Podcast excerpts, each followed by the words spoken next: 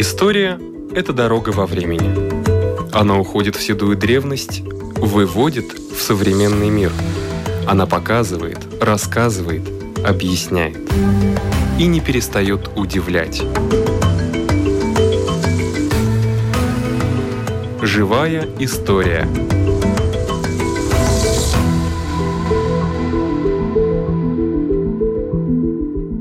У микрофона Лидия Чера.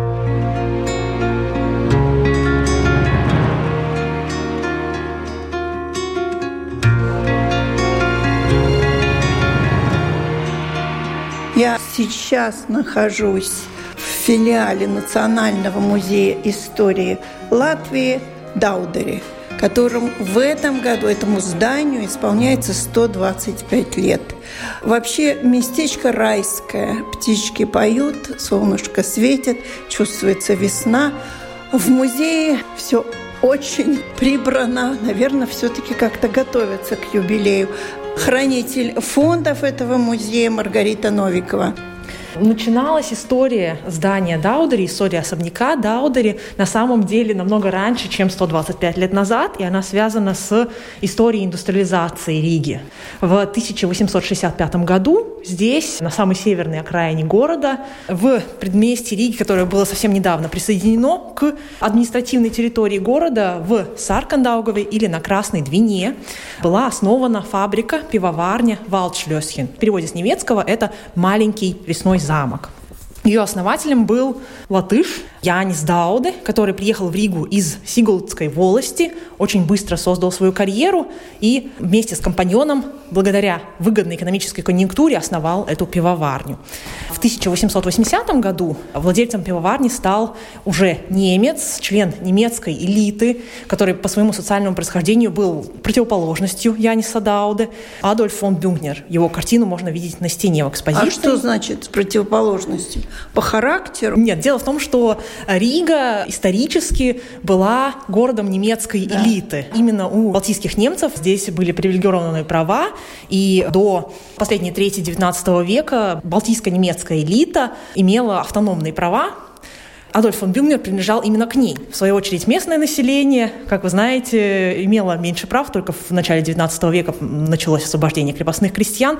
Янис Дауда как раз принадлежал к сословию крестьян. Поэтому в плане социального происхождения они были, конечно, противоположностью. Сын рижской элиты, состоятельный, богатый, с хорошим образованием, и такой хомо новос Янис Дауда, который в Риге сам создал свою карьеру и сам, собственно, влился в немецкую элиту. Его имя, которое дошло до нас в немеченном варианте, Йохан Даудер, даже сведения о его латышском происхождении, они в истории затерялись. Не то чтобы это было секретом, просто только подготавливая эту экспозицию, исследователи наконец выяснили, каково его истинное происхождение, потому что в 90-е годы считалось, что он приехал из Баварии, что он был немцем, он приехал из Баварии. Хотя, ну, конечно, потому что пиво было немецкое в основном, да, то, что так. они производили. А каким образом они передали один другому эту пивоварню. В 1880 году Йохан Даудер умер, и его вдова с компаньоном продали фабрику Адольфу фон Бюнгеру. Он, поскольку происходил из богатой семьи, имел образование химика, напрямую связанное с индустрией, он имел средства, политические связи, чтобы стать владельцем этой фабрики и ее развивать. Но он этим и занялся, в общем-то. Именно так. Э, период Адольфа фон Бюнгера – это период расцвета Валдшлёсхен. И именно на деньги от этой фабрики, которая благодаря нему стала самой большой пивоварней в Балтии и одной из самых больших пивоварен в Российской империи, был построен особняк Даудери и разбит парк рядом с домом. Я так обратила внимание, когда приехала немножко раньше на интервью, что парк продолжается и тоже какие-то восстановительные работы идут там. Да, исторически можно видеть это на диораме, которая у нас в экспозиции стоит. Исторически комплекс фабрики, вилла и парк живописный были единым ландшафтно-архитектурным ансамблем, но в ходе истории эти земельные участки были разделены. Да, парк э, и вилла отделены от территории фабрики в 1937 году, когда они стали резиденцией Карлиса Уманиса, а уже в 60-е годы 20 века парк был отделен от территории здания и фабрики, когда его передали городу Риге. Он стал публичным парком. А сейчас как? На данный момент он также является городским парком, и, наконец-то, в прошлом году начались восстановительные работы, которые уже долго ждали, потому что принципе, последний раз восстановительные работы в парке Алдериса проводились э, в 30-е годы, когда его готовили. Прошлого века, Да, я так именно понимаю. Скажите, а вот эта гора, холм, он естественный? Это дюна. Это дюна. Это дюна. Трудно сказать, ее искусственно повышали или нет, но на самой высокой дюне возвели водонапорную башню, которую оформили в виде развалин средневекового замка. Там были комнаты отдыха и смотрительная площадка, с которых можно было смотреть на фабрику, на округу. Да, и я обратила внимание, что ее тоже, наверное, будут реставрировать. Да, в проекте предусмотрена реставрация развалин, довольно масштабная. Сейчас они выглядят так максимально естественно. И там будет, насколько я понимаю, зона для отдыха, возможно, смотровая площадка. Уже вот не помню, как в проекте предусмотрено. Но это будет ваша территория? Нет. Нет, это отдельная территория Рижского самоуправления. До прошлого года она была отделена от музея бетонным да. забором, угу. который построили в 1968 году, чтобы люди не проходили на территорию фабрики, потому что это режимный объект производства, и на территорию детского сада. И э, забор так и не снесли по соображениям безопасности. Он отделяет территорию музея от публичного парка. На данный момент территория будет соединена, как и оригинально это было предусмотрено. Есть э, лестница, которая ведет да, видела, на территорию да. парка. Она немножко ниже находится уровнем, чем территория дома и сада. И будут еще дополнительные ворота, то есть, да, можно будет наконец-то пройти напрямую с территории особняка на территорию парка. А фонтан здесь на картинке есть? Это ваша территория или это тоже парка? Это, это парк, это парк. На месте парка был искусственный пруд. Можно на открытке видеть вот искусственный пруд. Да, близко довольно.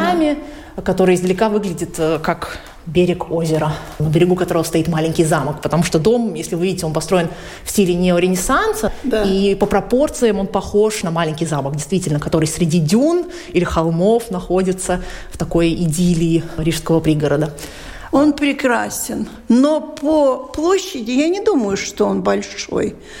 По сравнению с тем новостроем, который и местные, и не местные миллионеры строят, он даже довольно-таки, ну, скромный. Миниатюрный, да. Но да. именно по пропорциям он выглядит как замок Да, да, да, я согласна. Он выглядит богато, красиво. А сколько площадь вообще этого? Не знаете? Квадратных метров 200, наверное. Больше намного. Намного больше? Ну, вот этот зал 30 квадратных метров. Это только ну, один для из четырех. музея это не очень большой. Да, да. это маленький, но накапливается. Скрипит паркет. Это оригинальный, да? Да, да оригинальный паркет э, сохранился в залах первого этажа с отделкой из э, разных сортов дерева, красного, темного. И камины тоже сохранились? Сохранилось три камина, два мраморных камина на первом этаже и большой, роскошный майликовый камин на втором этаже в историческом таком кабинете. Там, где был кабинет Карлиса Улманиса? Кабинет, да, Адольфа фон Бюнгнера и кабинет Карлиса Улманиса. У Карлиса Улманиса вообще было два кабинета. Один находился в этом здании, где сейчас мы рассказываем про историю периода фон Бюнгнеров, а второй прямо над нами на втором этаже. Ага. Двери публичный. тоже сохранились. По-моему, это дуб да, дубовые двери именно в этом кабинете, они переделаны в 30-е годы. Как вы видите, отделка конца 19 века отличается от стиля национального романтизма, который в кабинете. Стиль оформления дверей в кабинете был согласован со стилем кабинета национального романтизма. Те же самые лавровые венки, звездочки и колосья пшеницы. Да. Именно такой кабинет находился в помещении, в котором мы только что находились, но сейчас э, его реконструкция расположена рядом. Именно здесь, во втором зале, мы рассказываем про период Карлиса Улманиса в истории особняка. А мне кажется, что он э, не часто бывал в этом особняке. Согласно сведениям, которые у нас есть, это в основном визуальные свидетельства, фильм из Латвийского архива кинофонов, фотодокументов, фотографий. Да. Ульманис бывал здесь не раз, в разные сезоны, по разным поводам, но не регулярно и не часто. Но он здесь бывал, э, резиденция использовалась. Но он человек вообще особо отдых не жаловал. Он все время был в работе. Я знаю, что в свое время журналисты, которые хотели ехать с ним куда-то на места, куда он собирался ехать, должны были выезжать в 5 утра. Я не слышала такую версию, но, но я предполагаю, что работы у него было много, да. Да, работы у него было много. Один из интересных экспонатов в экспозиции, посвященной периоду Карлиса Улманиса, резиденции Даудери, это его цилиндр, на дне которого вышиты золотыми нитками его инициалы КУ, которые можно видеть в зеркальце. Цилиндр сделан в шляпной мастерской Салмкая в Риге. Также здесь э, стоит стол из э, его кабинета, который э, попал в Латвийский национальный музей из Института микробиологии, в котором он стоял в кабинете Аугуста Кирхенштейна, то есть политического противника Карлиса Улманиса, и потом был передан в музей. Это довольно удивительно, что он сохранился, потому что на столешнице видна персональная эмблема Карлиса Улманиса, которую для него создал художник Якобс Бине в 1937 году в честь его юбилея. В свою очередь, кресло, которое было также изготовлено в комплекте со столом, оно не сохранилось. Его создали по чертежам, находившимся в архиве, специально для нужд экспозиции. Можно также видеть, оно по цвету отличается, оно еще не выцвело. Стол из орехового дерева, он выцвел. Да, больше похож на трон даже, я бы сказала, с тремя звездами. Да, ну так можно сказать. Но не только юбилей этого дома в этом году празднуется, но и юбилей человека, который использовал его как летнюю резиденцию, Карлиса Ульманису. Да, Карлис Ульманис родился в 1877 году. В этом году ему 145 лет исполняется, полуюбилей. Да, сентябре. Несмотря на то, что Карлис Улманис является довольно противоречивой персоной в истории Латвии, в истории особняка период резиденции – это однозначно позитивный этап. Приспосабливая его под нужды резиденции, были проведены обширные ремонтные работы, капитальные ремонтные работы, восстановлены интерьеры, обновлены коммуникации, произведены работы по благоустройству парка, где разбиты роскошные клумбы, восстановлен пруд, установлен фонтан. Там также были поселены лесные животные, потому что Карлис Улманис по образованию был агрономом, то есть да. ему на радость там поселены косули, лось, Тетеревы, конь для поездок в конюшне э, жил. Да, даже на этих кадрах кинохроники виден этот лось косули, которые здесь в этом парке жили. Да, косули, насколько мы знаем, звали антисагретани, по воспоминаниям очевидцев, которые в 90-е годы записаны. Поскольку резиденция нуждалась в особом режиме охраны с 1937 года, территория особняка и парка была отделена от территории фабрики. Это означало, что нужно создать новый подъезд к особняку, и в 1938 году был создан новый этап проекта проспекта Вестура и подъездная дорога к особняку со стороны железной дороги. Раньше сюда можно было заехать со стороны улицы Твайка через фабрику, но с 1938 года здесь э, отдельный вход, отдельная подъездная въезд. дорога, отдельный да. въезд в территорию и особняка. красивый, красивый въезд, скажем так. Ну да. Современная подъездная дорога была создана уже в 1990 году, когда срыли часть дюны, чтобы со стороны Риги и улицы Саркандаугос можно было зайти в музей. Также для нужд охраны резиденции в 1939 году построено здание охраны и персонала, в котором ныне э, находится поликлиника, это на улице Слежу, а в дальнем конце парка вдоль улицы Гауенес снесены маленькие частные дома, чтобы обеспечить покой и безопасность территории резиденции. Я скажу, что очень многое для этого музея сделали и меценаты. Особенно один Гайдис Грауденч. После Второй мировой войны в истории здания наблюдается такой кардинальный переворот. Из частного дома, частной резиденции он становится публичным зданием. Здесь располагается детский сад фабрики Алдериса и помещение первичной организации коммунистической партии. Сюда приходят дети, в вестибюле находятся шкафчики для раздевания. В помещении, где находится экспозиция, посвященная этому периоду, находилась спальная комната младшей группы. На втором этаже действовала библиотека Красного уголка. Здесь в период выборов действовали агитаторы. На фильме можно также посмотреть, как они своей работой занимались. Этот период в истории дома длился до 1972 года. В 70-е годы здесь находились дегустационные залы Министерства пищевой промышленности Латвийской ССР. Сюда приезжали делегации из э, дружественных советских и социалистических республик, которые могли познакомиться с производствами фабрик Лайма, Латвийс Балзам, Ская и другие.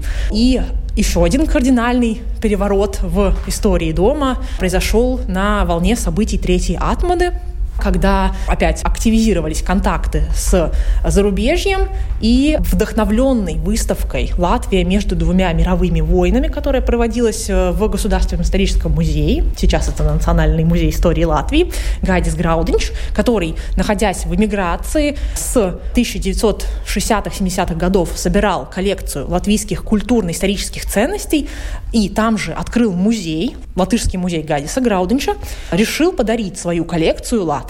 Она стала ядром собрания нового музея, Латвийского музея культуры Даудери, который получил свое название в честь резиденции. Не в честь Йохана Даудера, поскольку об этом уже забыли, а в честь резиденции Карлиса Улманиса. Ну, собственно, на фильме с открытия музея, которое происходило 27 июня 1990 года, в день открытия 20-го всеобщего латышского праздника песни и 10-го праздника танцев, торжественно был открыт, открыт музей. музей да. да. И до сих пор Гайдис Грауденч вам что-то помогает? Гадис Градуч до сих пор живет в Германии. У музея с ним сохранились контакты. И продолжает э, он пополнять свою коллекцию иной раз. Миссией Латвийского музея культуры Даудери было сохранение целостности коллекции Гадиса Грауденча. Став отделом Национального музея истории Латвии, мы также переняли эту миссию. Соответственно, все новые пополнения его коллекцию мы принимаем и систематизируем.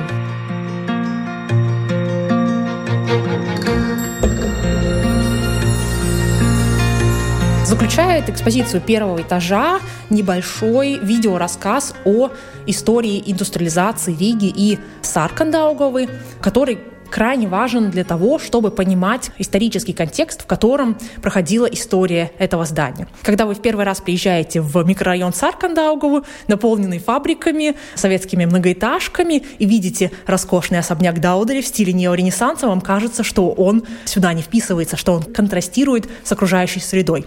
Но на самом деле это не так. Как мы уже слышали, строительство особняка было возможно только благодаря индустриализации, и вся его история неразрывно связана связано с историей Саркандауговой, с историей предприятий Саркандауговой, с самой фабрики Алдерис, когда здесь появляется детский сад, с историей самих предприятий Саркандауговы. В 30-е годы фабрику Валдшлёсхин покупает Латвийский кредитный банк. Это часть более масштабной, так называемой латышской кредитной политики Карлиса Улманиса.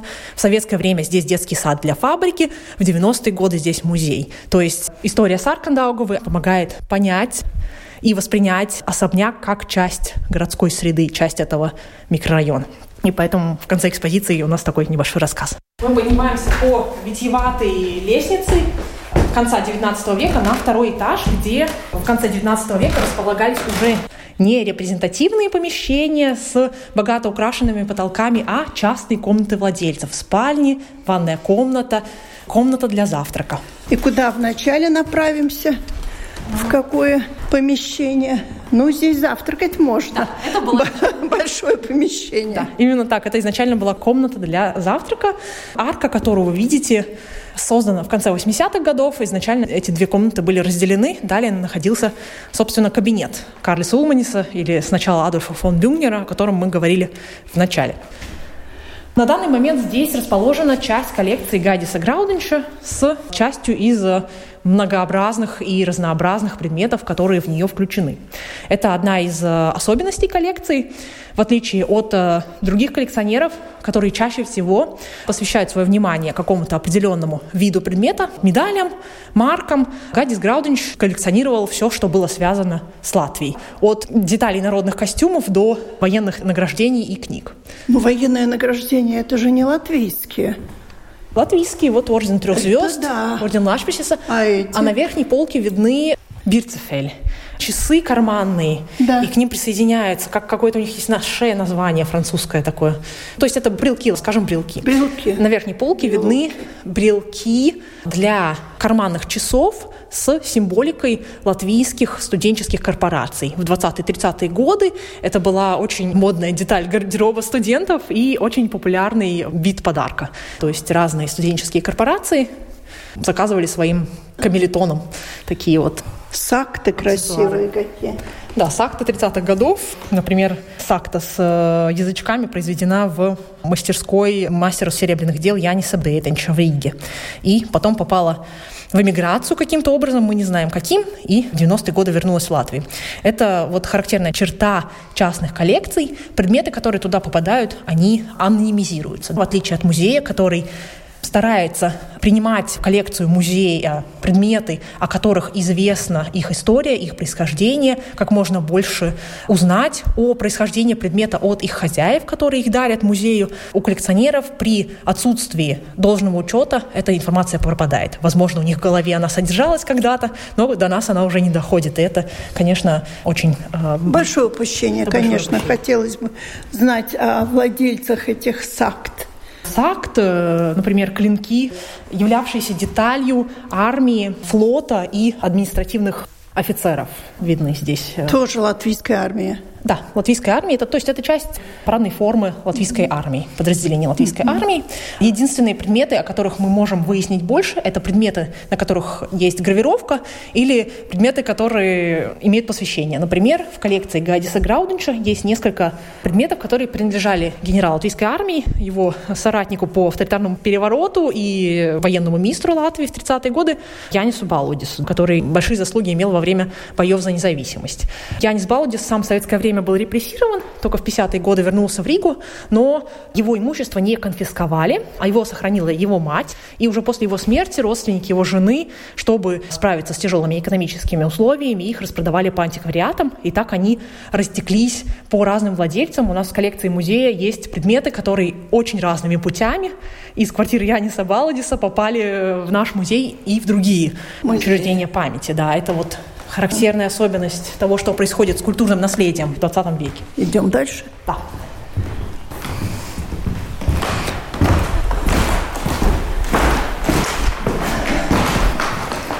Это вот, вот этот вот это как раз камин, относится да? к истории здания. Самое красивое помещение на втором этаже – это кабинет. Второй кабинет с шикарными цветными панелями потолков и маяликовым камином, который произведен на фабрике Целмс и Бэмс в городе Рига. Это фабрика гипса, мела, печей и печных плиток, которая основана в середине XIX века она была довольно популярным производителем каминов разных ценовых категорий, от простых до вот таких шикарных цветных маяликовых каминов.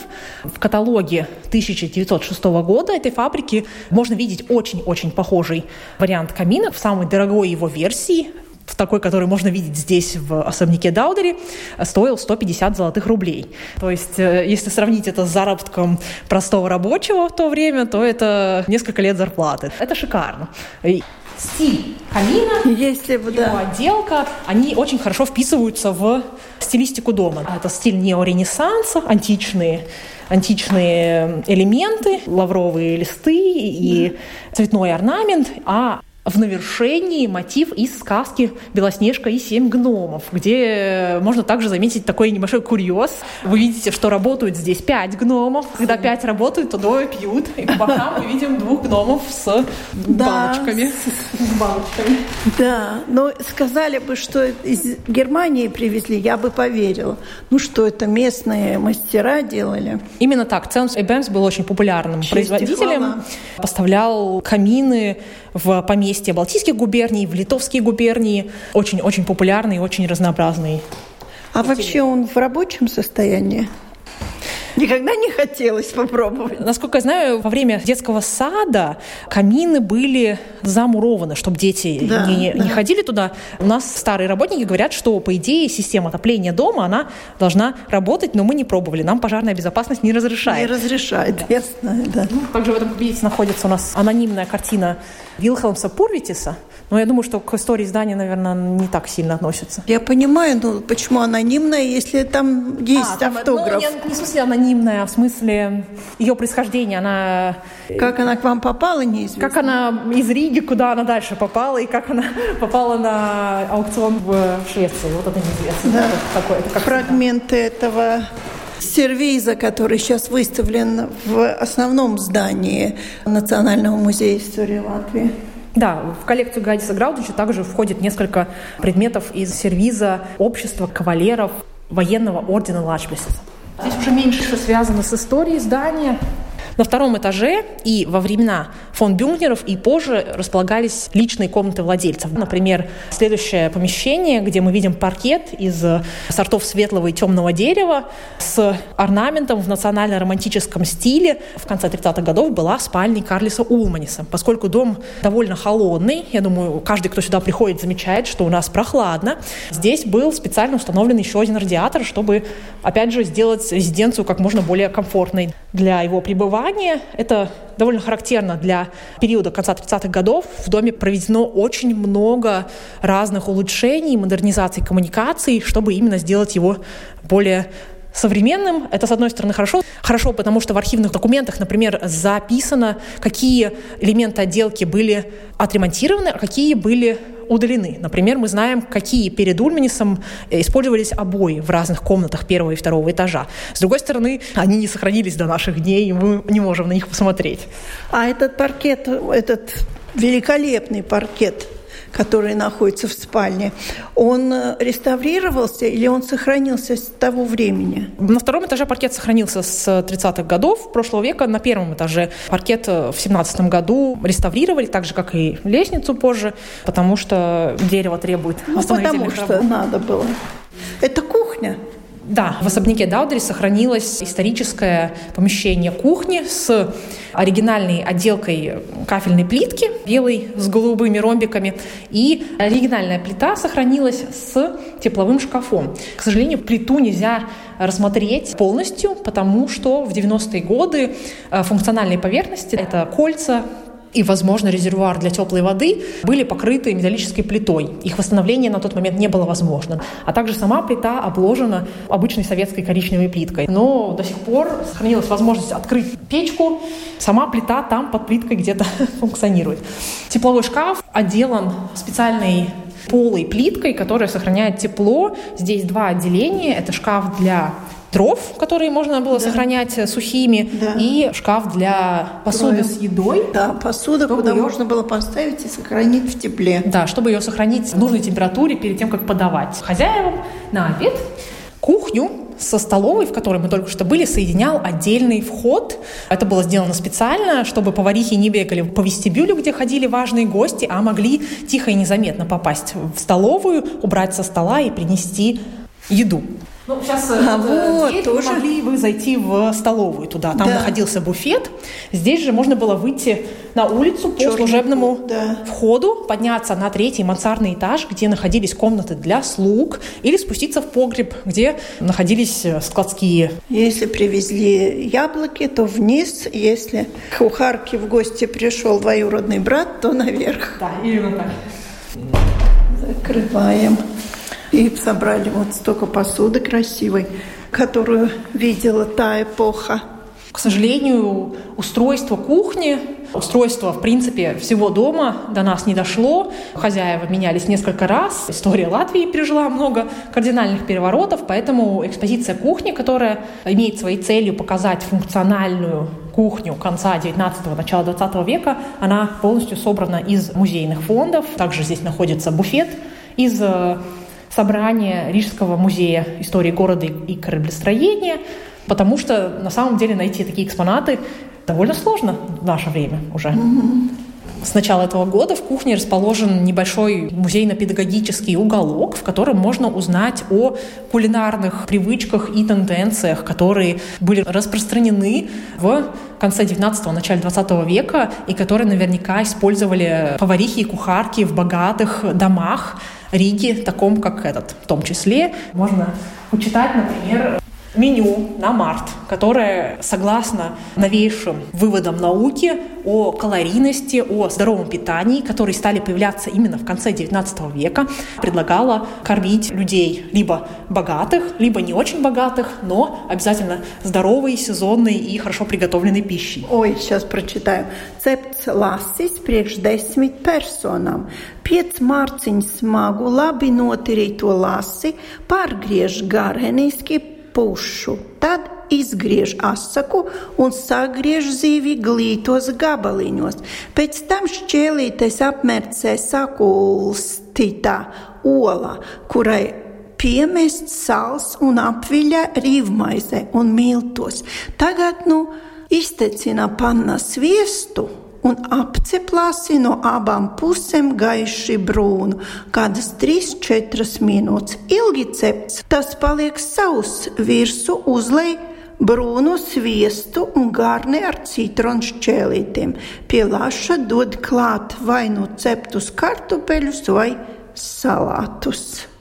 Вот такой рецептик. Для наших тоже пригодится разные рецепты. Да, основой этих рецептов была кулинарная книга «Миньон», которую издала э, Хермин Залит в 1901 году. Действительно, при подготовке экспозиции мы тоже дивились, да. истекали слюнями.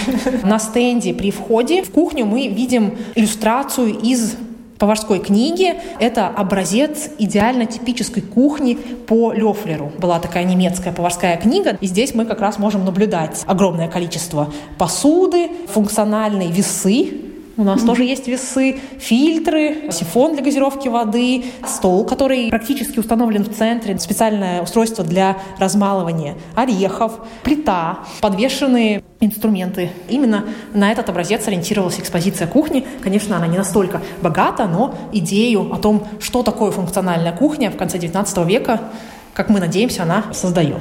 Будет ли какое-то официальное мероприятие, каким-то образом готовитесь к своему неполнокруглому юбилею? Да, летом пройдут мероприятия которые будут призваны как раз ознакомить людей с тем, как проходила практическая сторона жизни богатого особняка в конце 19-го, начале 20 века. И совсем скоро здесь тоже откроется выставка, я, насколько знаю, посвященная 110-летию зоопарка. Ах да, с 25 марта в выставочном зале музея Даудери можно будет посмотреть картины русского латвийского художника Филиппа Шалаева и фотографии врача Сергея Никульшина. Выставка будет проходить до конца мая, и она посвящена, приурочена к 110-му юбилею Рижского зоологического сада. Тема выставки «Воля или неволя». Филипп Шалаев был анималистом, который рисовал животных, в том числе в Рижском зоопарке, и довольно рано уже задумывался о теме свободы и несвободы животных, а как раз-таки Сергей Никульшин, который является врачом, очень много фотографировал. Рижский зоопарк, и авторы, кураторы выставки решили объединить эти две темы, чтобы в честь юбилея Рижского зоологического сада опять привлечь внимание к тому, как мы относимся к братьям нашим меньшим. Даудери очень рады принимать эту выставку, потому что мы тоже косвенно связаны с историей Рижского зоологического сада. Второй владелец дома, Фридрих Бах, был председателем комиссии по созданию Рижского зоологического сада. Именно он руководил работами по строительству Рижского зоологического сада. И таким образом вот наш дом связан также с историей Рижского зоопарка. Ну и Карлос Улманис тоже любил лесного зверя. Да, именно так. И не в качестве охотника. Да, это очень радует. У нашего микрофона познакомила нас с историей дома-музея Даудери Маргарита Новикова, хранительница фондов этого музея. На этом наша программа заканчивается. Всего вам доброго.